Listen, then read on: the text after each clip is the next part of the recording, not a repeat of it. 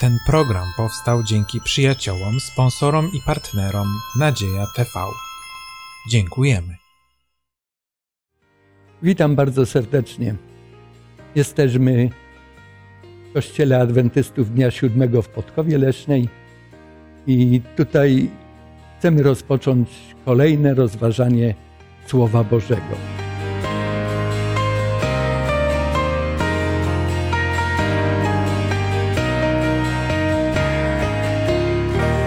Razem ze mną w studio jest Stanisław, Piotr i Halinka. Mm, a moje imię to Władysław. Rozważamy Pismo Święte, a więc chcemy krótko skłonić nasze czoła i wznieść serca w modlitwie do Boga, prosząc o Jego błogosławieństwo. Boże nasz Panie, dziękujemy, żeś nas wybrał do studium Twojego Słowa, ale jest to odpowiedzialne zajęcie i prosimy stąd od Ducha Twojego Świętego, abyśmy w Jego mądrości, w Jego mocy mogli wypowiadać właściwe interpretacje i właściwe zrozumienie, mieć tych wszystkich spraw, które chcesz nam objawić. Niech będzie Ci za to cześć i chwała Amen. Amen. Tytuł dzisiejszego naszego rozważania brzmi Towarzysze broni.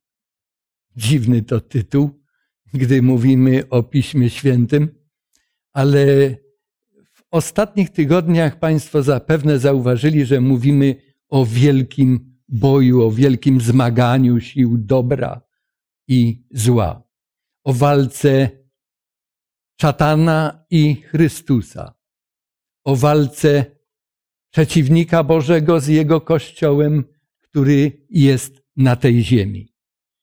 Y, rozważaliśmy już, jak to miało miejsce w czasach patriarchów, sędziów, w okresie podzielonego królestwa w Izraelu. Y, mówiliśmy również ostatnio o tym, jak Chrystus prowadził ten bój. E, co czynił, gdy był na tej ziemi? W jaki sposób był przez szatana atakowany? E, dzisiaj będziemy rozważać na ten temat, jak zło atakuje tych ludzi, którzy przychodzą do Boga.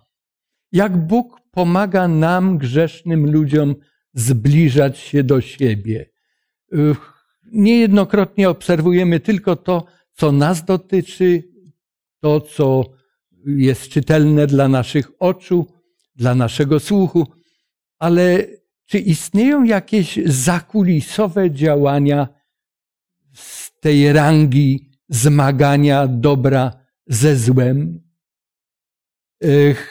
Dzisiejsze nasze studium mówi nam o tym, jak ze złem musieli zmagać się naśladowcy Chrystusa, a szczególnie ci, których Chrystus powoływał na swoich współpracowników najbliższych. Pierwszym tekstem, nad którym chcemy się zastanowić, to jest tekst Ewangelii Łukasza z piątego rozdziału, wiersze od pierwszego do jedenastego. I poproszę Stanisławie Ciebie, abyś odczytał te teksty. Pewnego razu, gdy on stał nad jeziorem Genezaret, a tłum tłoczył się dokoła niego, by słuchać słowa Bożego, ujrzał dwie łodzie stojące u brzegu jeziora, ale rybacy, wyszedłszy z niej, płukali sieci. A wszedłszy do jednej z tych łodzi należącej do Szymona, prosił go, aby nieco odjechał od brzegu i usiadłszy nauczał rzesze z łodzi. A gdy przestał mówić, rzekł do Szymona, wyjedź na głębię i zarzućcie sieci swoje na połów. A odpowiadając Szymon rzekł, mistrzu, całą noc ciężko pracując nic nie złowiliśmy, ale na słowo Twoje zarzucę sieć. A gdy to uczynili, zagarnęli wielkie mnóstwo ryb, takich się sieci rwały. Skinęli więc na towarzyszy w drugiej łodzi, aby im przyszli z pomocą i przybyli i napełnili obie łodzie tak, aż się zanurzały.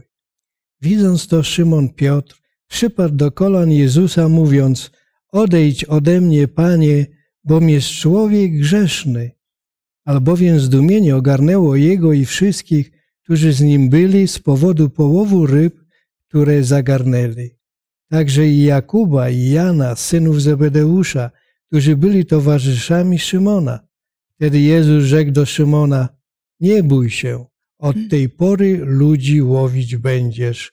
A wyciągnąwszy łodzie na ląd, opuścili wszystko i poszli za nim. Dziękuję bardzo. Troszeczkę y, dalej czytałeś niż, niż spodziewaliśmy się, ale to, co nas interesuje, y, to, co mnie interesuje, czy to było pierwsze spotkanie Piotra z Jezusem w jego życiu? No nie, ponieważ oni wcześniej obserwowali jego już od początków chrztu, kiedy usłyszeli z ust Jana Chrzciciela, oto baranek Boży. Co robił Jezus Chrystus do tej pory, jak uzdrawiał, jak e, leczył, jak e, nawet w przyrodę interweniował. Także byli, jakby można powiedzieć, świadkami tych rzeczy. Co czyni Chrystus? Prosi go, żeby odpłynął troszeczkę od brzegu i zaczyna nauczać. Że, że on zaczyna słowami mistrzu, całą noc ciężko pracując, nic nie złowiliśmy. Tak? Czyli Mhm. widzimy, od czego on zaczyna, co podkreśla, co jest dla niego ważne. Tak? To- No ale zarzuca te sieci. Co się dzieje? No, wyciągają pełne ryb i, i jest wielkie zdziwienie, konsternacja, bo nie mieszczą się, nie mogą wyciągnąć, proszą to współtowarzyszy do pomocy. Mhm. I nagle Piotr uświadamia sobie, kim naprawdę y, może być ten człowiek. Ale Piotr w tym momencie y, uzmysłowił sobie, że on stoi w obecności potęgi i mocy Bożej, Mhm. a Bóg znał go. Dlatego on z całą świadomością padł i mówi: Ja jestem grzeszny. Ważne jest, że gdy my przychodzimy do Chrystusa, abyśmy byli świadomi tego, do kogośmy przyszli. Czytam tekst z Ewangelii Marka, trzeci rozdział, trzynasty, czternasty werset. I wstąpił na górę i zwał tych, których sam chciał, a oni przyszli do niego. I powołał ich dwunastu, żeby z nim byli i żeby ich wysłać na zwiastowanie Ewangelii. Aha, a więc te dwa główne cele. Przede wszystkim, jako chrześcijanie, gdy przychodzimy do Chrystusa, to polega na tym, abyśmy z Nim byli. Co to znaczy być z Chrystusem? No wtedy fizycznie Chrystus był w Palestynie, a więc mogli z Nim wędrować, jeść, obserwować Jego życie. Jak to jest dzisiaj? No dzisiaj nie mamy takiego przywileju, jak mieli wtedy uczniowie, gdy czytamy to sprawozdanie Mhm. osobiście, z nim rozmawiać, zapytać. Ale mamy ten przywilej, to co teraz czynimy, że otwieramy słowo i tu możemy spotykać się z naszym mistrzem, z naszym Panem. A Dzięki. jeszcze obecność Ducha Świętego, który Jezus zagwarantował i obiecał. Dziękuję bardzo. To, co powiedziałaś w tej chwili, Halinko, jest niezwykle istotne. Do tej myśli wrócimy. Kto ma przewagę? Czy ten, kto fizycznie nawet spotykał się z Chrystusem? Czy ten, który nie ma tego przywileju, bo to jest ogromny przywilej, żyje setki, może tysiące lat później, ale ma z nim kontakt przez Słowo Boże. Do tej myśli wrócimy na samym końcu naszego studium. Ale Piotr chciał coś dodać jeszcze. No tak, ale to właściwie e, na ten temat e, dokładnie to, o czym mówisz, więc może odłóżmy Czyli to na jesteś, koniec. jesteśmy jednej, jednej myśli. Kolejny powód, dla którego Chrystus chciał, aby z nim byli. Tym powodem e, było to, żeby ich wysłać na zwiastowanie Ewangelii. Aha. Potem. Mhm. To jest bardzo istotne. Nieraz ktoś się nasłuchał, naczytał o Jezusie i już myśli, że, że może o nim opowiadać. Nie, z Chrystusem trzeba iść przez życie, przeżyć chwile i dobre, i gorsze, czasem upadku, zwycięstw. I wtedy dopiero możemy iść i zwiastować radosną Ewangelię. Pamiętacie y, takie zdarzenie, kiedy Chrystusa zaatakował demon, który opanował pewnego człowieka w krainie Gadareńczyków? Ten człowiek spotkał się z Chrystusem, został uwolniony. On chciał z Chrystusem pozostać fizycznie bardzo blisko mistrza, a mistrz się nie zgodził na to. Powiedział nie. Jak gdyby chciał powiedzieć, to spotkanie przygotowało cię na to, że ty ze mną będziesz dalej już w życiu.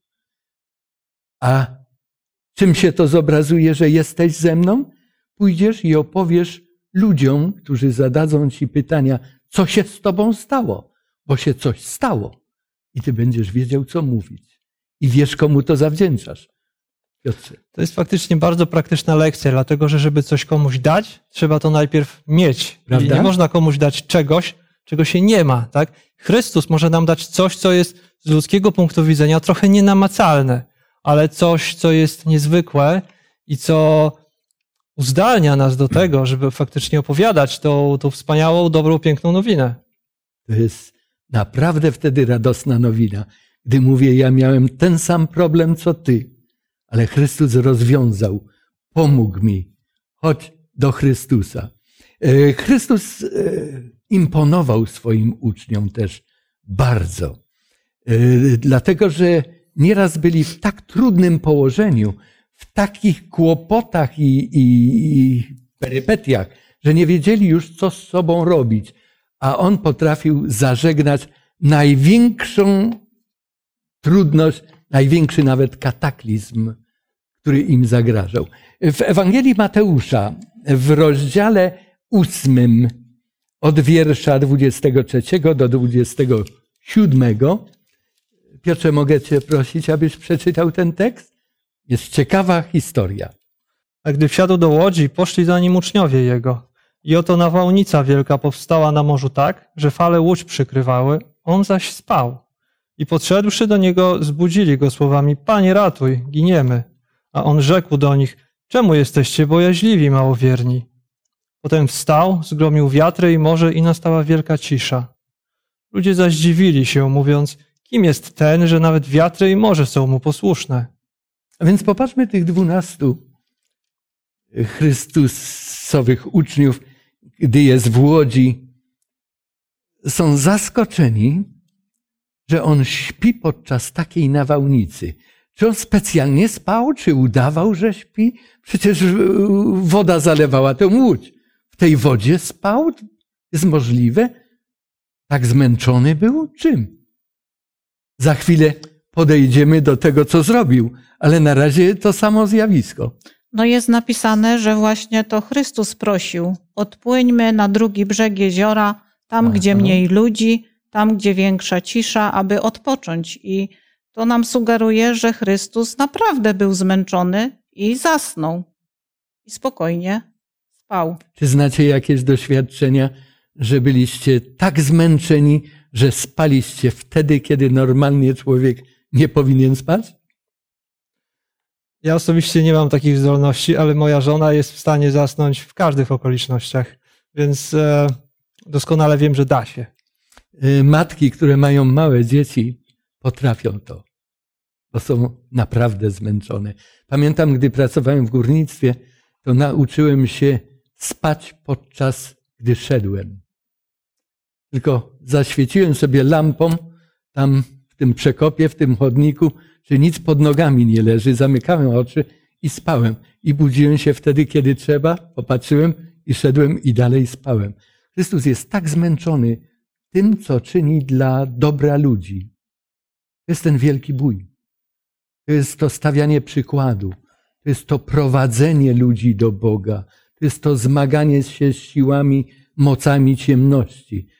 Gdy uczniowie za- zawołali, Panie, nie dbasz o to, że giniemy, ratuj nas. Co Chrystus odpowiedział? Jak Chrystus zareagował? No właśnie, czemu jesteście małowierni, yy, znaczy bojaźliwi małowierni, prawda? Czyli zarzucił im brak wiary.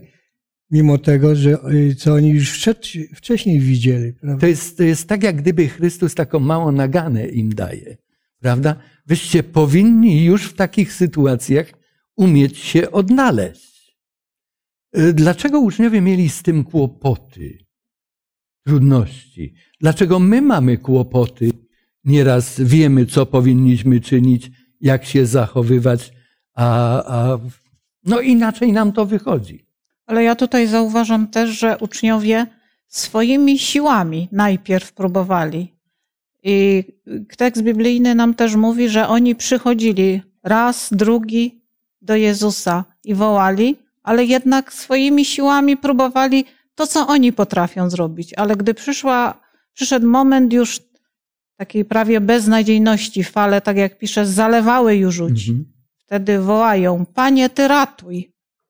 Nie przyjdź, ale ratuj Aha. nas. Czyli, czyli sugerujesz, że my też w takich trudnych momentach, miast szamotać się sami z różnymi problemami i szukać rozwiązań, powinniśmy bardziej ufać Chrystusowi i od zaraz do Niego się zwracać, prawda?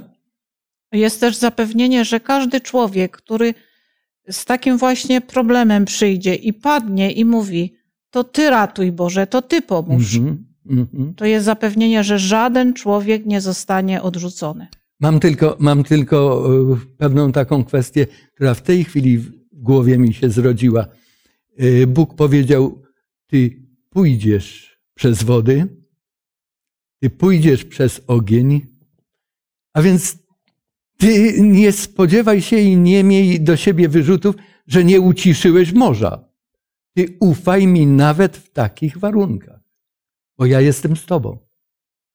Warto mieć tak jak oni mieli Chrystusa w tej łodzi, warto w życiu naszym mieć społeczność z tym Chrystusem. Piotrze, chciałeś coś Zwłaszcza powiedzieć. jeśli mamy świadomość, kim tak naprawdę Bóg jest. Zwłaszcza jeśli mamy świadomość, że On jest stwórcą całego naszego świata, tak? Prawda? E, Kiedy pomyślimy sobie, że Bóg słowem stworzył świat, kiedy może spróbujemy sobie troszeczkę to przełożyć na fizykę, kiedy pomyślimy, że słowem, czyli tak naprawdę użył fali dźwiękowej w zasadzie i e, w odpowiedzi na tą falę dźwiękową cząsteczki, atomy zaczęły coś formować. Tak, tak samo tutaj Jezus podnosi rękę, mówi stop i nagle wszystko się ucisza. Widzimy tutaj wielką moc, wielką potęgę tego, który to wszystko stworzył. Jeśli pamiętamy o tym, jeśli ta świadomość jest głęboko w naszym sercu, zupełnie inaczej patrzymy na wszystkie trudne rzeczy, które nas spotykają w życiu. Bo trudno sobie wyobrazić, a, a jednak takie były fakty. Ewangelie stwierdzają, że on uspokoił to rozkołysane morze. Ile tam tysięcy ton tej wody kołysało się. To morze po wichurze uspokaja się zazwyczaj parę dni. To trwa. A tutaj naraz? A więc mamy do czynienia z kimś, o kim uczniowie dopiero wyrabiają sobie pojęcie i, i, i jakie pytanie sobie postawili wtedy. Zapytali, kim jest ten, że nawet wiatry i morze są mu posłuszne. Prawda? Kim on jest? To, co wcześniej powiedziałeś, to jest stworzyciel. Ewangelista Jan nam powie, wszystko się stało przez niego, bez niego nic się nie stało. I on daje dowód, że on jest władcą i panuje nad przyrodą również. Y, Czy przyrodę wykorzystuje dla różnych swoich celów Bóg tylko, czy szatan też ma taką moc?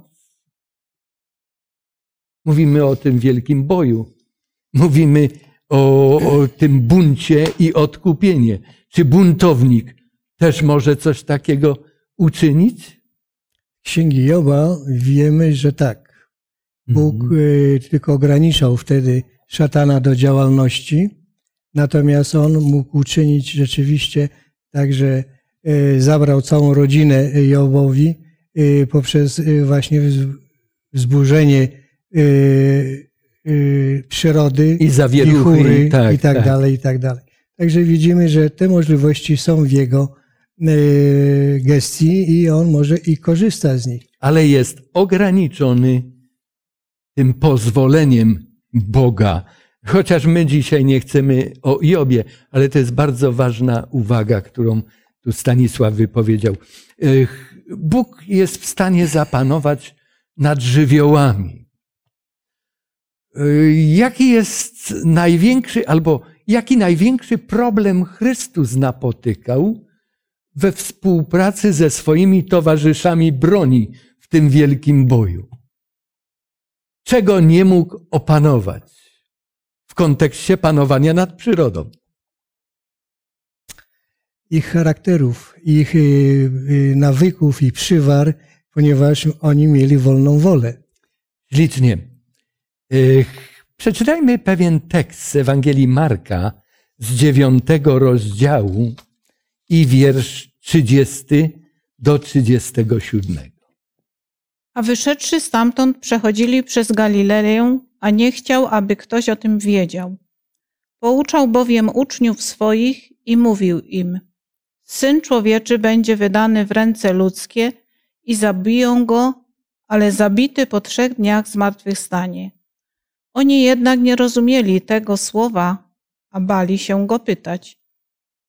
I przybyli do Kafernaum, a będąc z domu zapytał ich: O czym to rozprawialiście w drodze? A oni milczeli, bo rozmawiali między sobą w drodze o tym, kto z nich jest największy. A usiadłszy, przywołał dwunastu i rzekł im: Jeśli ktoś chce być pierwszy, niechaj stanie się ze wszystkich ostatnim i sługą wszystkich. Potem wziął małe dziecię, postawił je przed nimi, wziąwszy je w ramiona, rzekł do nich: Kto by przyjął jedno z takich dziatek w imieniu moim, mnie przyjmuje. A ktokolwiek by mnie przyjął, nie mnie przyjmuje, lecz tego, który mnie posłał. Dziękuję bardzo. E, Zauważyliśmy ten wielki problem nie do, powiem kolokwialnie, do, nie do przeskoczenia, nawet przez samego Chrystusa. Co to jest? Czy my mamy też taki problem? To jest rzeczywiście bardzo Jest. ciekawe, że Pan Bóg stworzył człowieka tak, że dał mu wolną wolę Mhm. i że on nie ma, nie ma, nie chce, nie może, nie wiem, nie ingeruje w tą wolną wolę. Człowiek ma prawo decydować e, sam a, i Chrystus jakoś nie ingeruje w to, tak? Jednocześnie widzimy tutaj e, w tym fragmencie, który przeczytaliśmy, że Chrystus mówi o rzeczach bardzo istotnych, bardzo ważnych, bardzo doniosłych. Tymczasem uczniowie tak naprawdę myślą o głupotach. Tak? Mhm. Nie To jest największy. Nie rozumiejąc tak naprawdę, e, o czym mówi Jezus. Na innym miejscu czytamy, kto więcej poświęcił dla Chrystusa.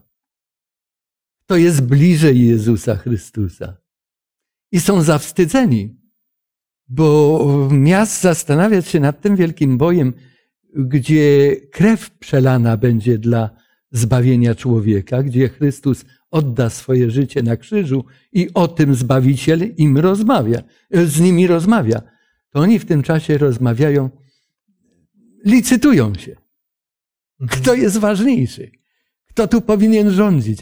Y, Pamiętamy, że synowie Zebedeusza, Jakub i Jan, to kiedyś czy poprosili mamę, czy mama może miała wpływ na nich, żeby ni nie zostawali gdzieś tam z tyłu. Jest was dwunastu, a więc wy jesteście moimi synami. Ja chciałabym móc się pochwalić przed sąsiadami.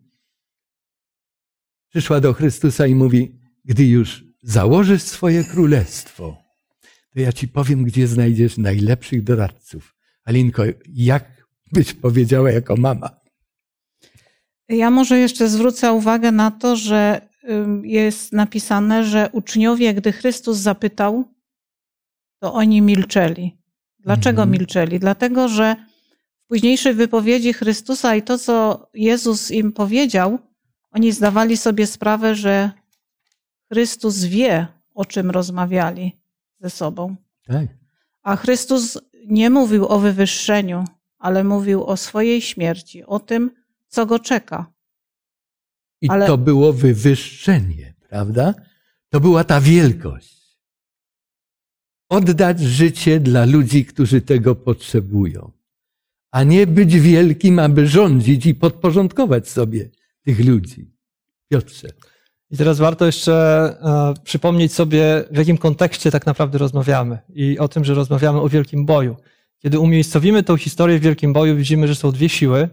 Jedna siła walczy o to, żebyśmy się zajmowali rzeczami, które są mało istotne, tak? które tak naprawdę skupiają się na nas samych, żebyśmy szukali tego, co jest dla nas najfajniejsze, najlepsze. Tymczasem Jezus walczy o to, żebyśmy zobaczyli to, co jest naprawdę najważniejsze. Próbuje dotrzeć do nas, do naszych serc. A więc tutaj mówiłeś, że y, Chrystus nie, czy Bóg nie ingeruje tutaj w wolną wolę.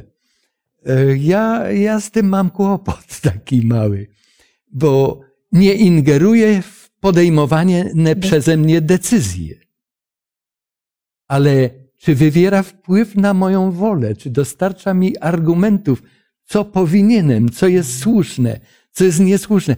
I tak samo do nas dostęp ma ta druga strona, szatan.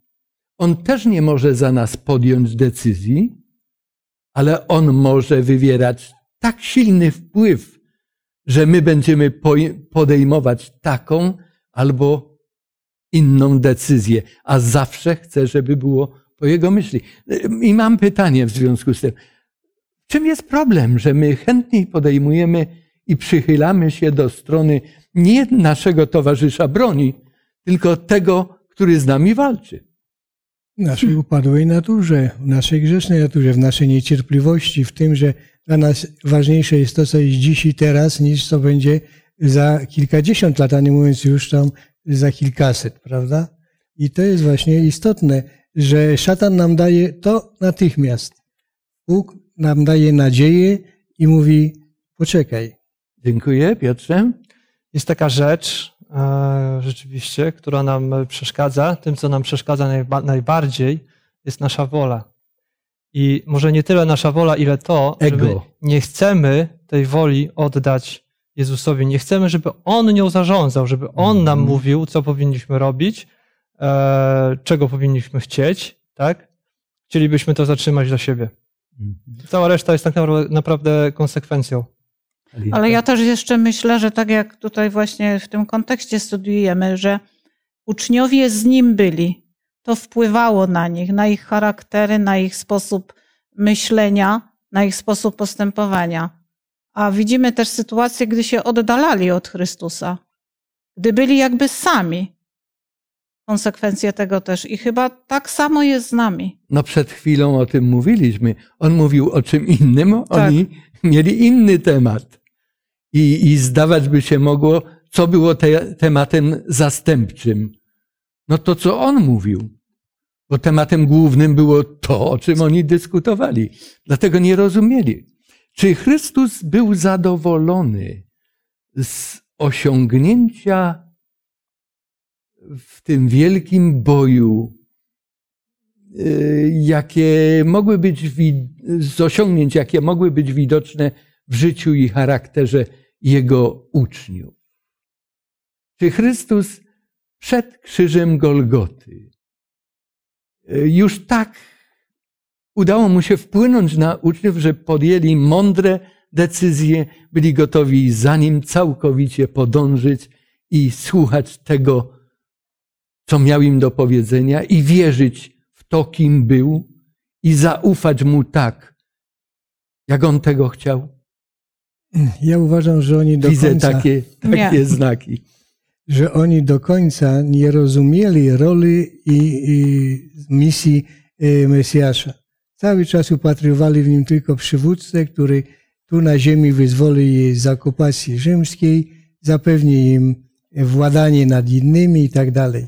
Dopiero po ukrzyżowaniu, zmartwychwstaniu i zesłaniu Ducha Świętego zaczęli sobie to wszystko kojarzyć. Przeczytajmy sobie, przeczytajmy może y, zgodnie z tym, co mówisz, tekst z Ewangelii Łukasza z 24 rozdziału i najpierw przeczytamy te teksty od 17 do 24. I rzekł do nich, cóż to za rozmowy, idąc prowadzicie z sobą i przystanęli przygnębieni. Odpowiadając jeden imieniem Kleopas, Rzekł do niego, czyś ty jedyny pątnik w Jerozolimie, który nie wie, co się w niej w tych dniach stało? Rzekł im, co?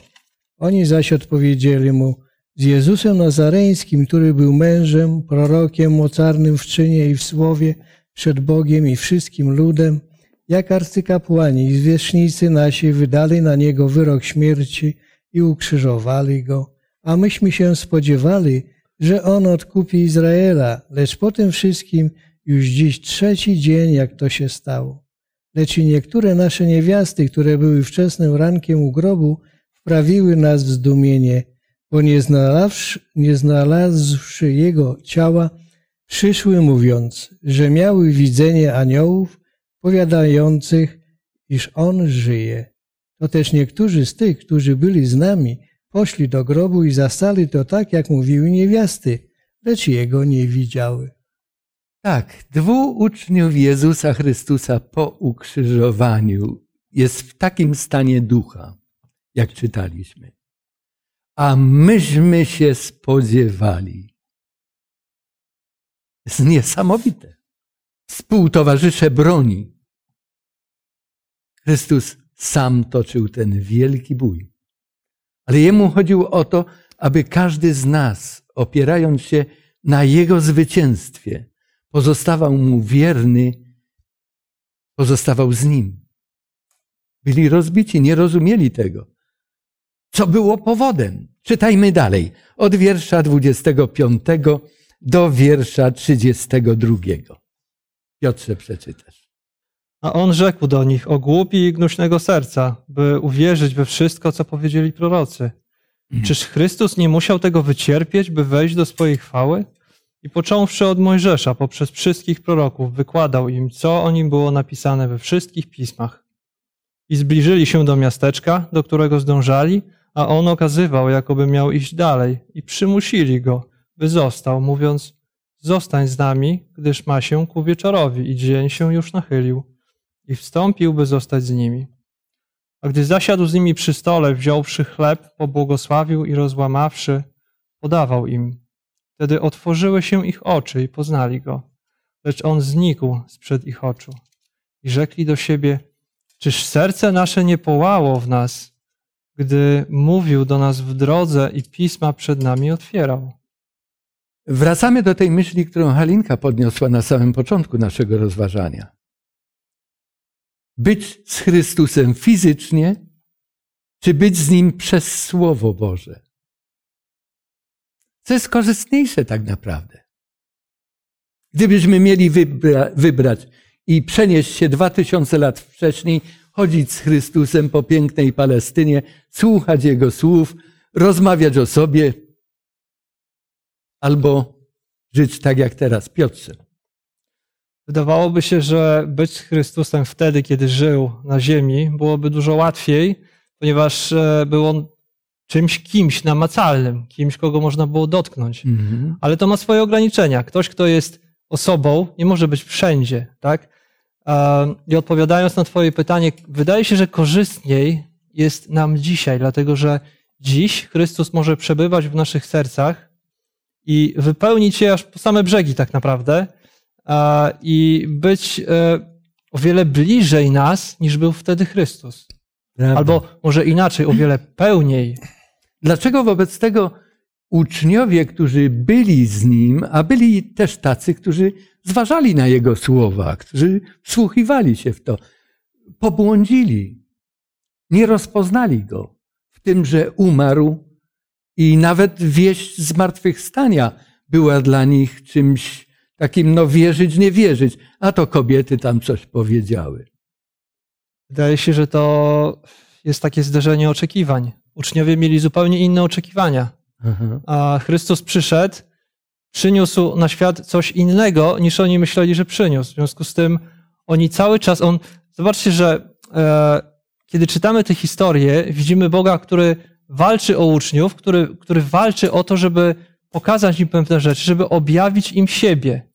Za każdym razem uczniowie coś tam zaczynają już dostrzegać, tak? ale kolejna historia pokazuje, że nadal nic nie rozumieją. Tak? Co, co się stało, gdy między tymi słowami, a myśmy myśleli, że on zbawi Izraela, A tymi słowami, czy serce nasze nie pałało w nas, gdy otwierał nam słowo pisma i tłumaczył? No ale, Gdzie, moż, gdzie, był, gdzie był problem? no ale można by zadać pytanie, czy oni tych słów wcześniej nie czytali, nie rozumieli? No właśnie o to chodzi. Czytali? Na pewno. No czytali, ale z tego wynika... Dlaczego nie rozumieli? Bo nie było ducha jeszcze, który Bóg obiecał i przez którego dzisiaj też mamy przecież Słowo Boże, czytamy i to dużo ludzi czyta to Słowo Boże, a ile interpretacji jest. Tylko Duch Boży, jak nam objawi, będziemy interpretować według Bożych y, zamiarów i to, co chce nam objawić. Ale każdy tak mówi, każdy to samo twierdzi i mówi, gdy cię duch poprowadzi, to dojdziesz do wniosków, do jakich ja doszedłem, a nie do tych, co ty doszedłeś. Dlaczego dzisiaj ludzie, czytając Stary Testament, mają z tym problemy? Dlaczego niektórzy chrześcijanie wracają dzisiaj do y, pojęć mozaistycznych, do judaizmu? Ja wam przeczytam ciekawy tekst i na tym chyba zakończymy. Y, Drugi list Pawła do Koryntian, trzeci rozdział. I tutaj czytam od wiersza 14 do 18. Tu jest powód, przyczyna takiego stanu rzeczy i recepta, rozwiązanie. Albowiem aż do dnia dzisiejszego przy czytaniu Starego Przymierza ta sama zasłona zostaje nieodsłonięta, gdyż w Chrystusie zostaje usunięta. To już jest powielaniu Ducha Świętego. Tak, że aż po dzień dzisiejszy, ilekroć czyta się Mojżesza, zasłona leży na ich sercu, tych czytelników, którzy przylgnęli do litery Starego Testamentu. Lecz gdy się do Pana nawrócą, zasłona zostaje zdjęta. A Pan jest tym duchem, gdzie zaś duch pański, tam wolność.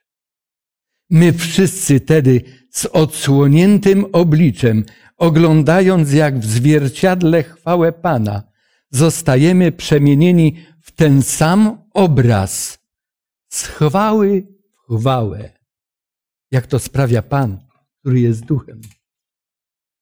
Gdzie jest po prostu ten, ten języczek uwagi? Chrystus. Jeżeli przyjmujesz Chrystusa, to przyjmujesz Jego nauki. Przyjmujesz Nowy Testament i Nowy Testament jest wykładnią Starego Testamentu, a nie odwrotnie.